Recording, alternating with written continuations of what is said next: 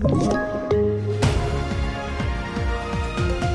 Det här är TV4-nyheterna. I natt stormades den svenska ambassaden i Bagdad som protest mot koranbränningarna. Iraks kommunikationsminister meddelar nu att affärer med alla svenska företag ska förbjudas i landet. Sveriges ambassadör kastas även ut ur Irak. Samtidigt var det hetsk stämning utanför Iraks ambassad i Stockholm där arrangören av en allmän sammankomst planerat att bränna Koranen. Arrangören hoppade på Koranen och torkade av sina egna skor med den irakiska flaggan. Den planerade bränningen misslyckades dock.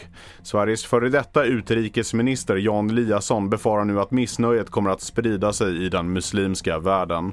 Ja, det finns en stor risk för att det är ju en, en religion som omfattas av nästan två miljarder människor och eh, känslorna är mycket djupa och det ska vi inse i Sverige att eh, det går väldigt djupt och att reaktionerna är väldigt starka och att regeringar ofta känner att de måste ta hänsyn till dem, eh, den opinion som bryter ut. Vi såg hur man brände flaggor förra gången i Irak vid eh, koranbränningen i Stockholm. Och liknande reaktioner är att vänta. Ryska åklagare kräver att den ryska oppositionsledaren Alexej Navalny döms till 20 års fängelse. Det uppger Navalnys allierade enligt nyhetsbyrån AFP. Navalny sitter redan fängslad efter tidigare domar som fallit sedan Ryssland intensifierat jakten på oliktänkande i samband med invasionen av Ukraina.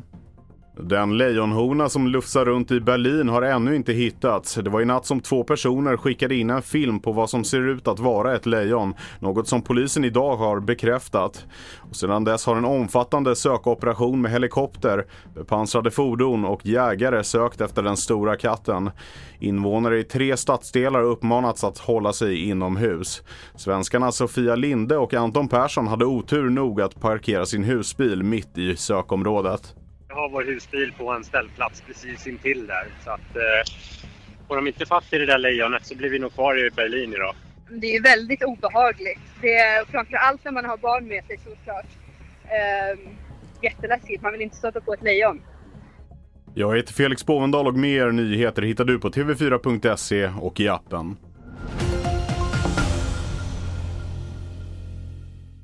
Ny säsong av Robinson på TV4 Play.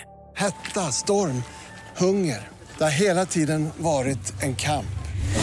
Nu är det blod och tårar. Fan händer just det. det detta är inte okej. Okay. Robinson 2024, nu fucking kör vi. Streama söndag på TV4 Play.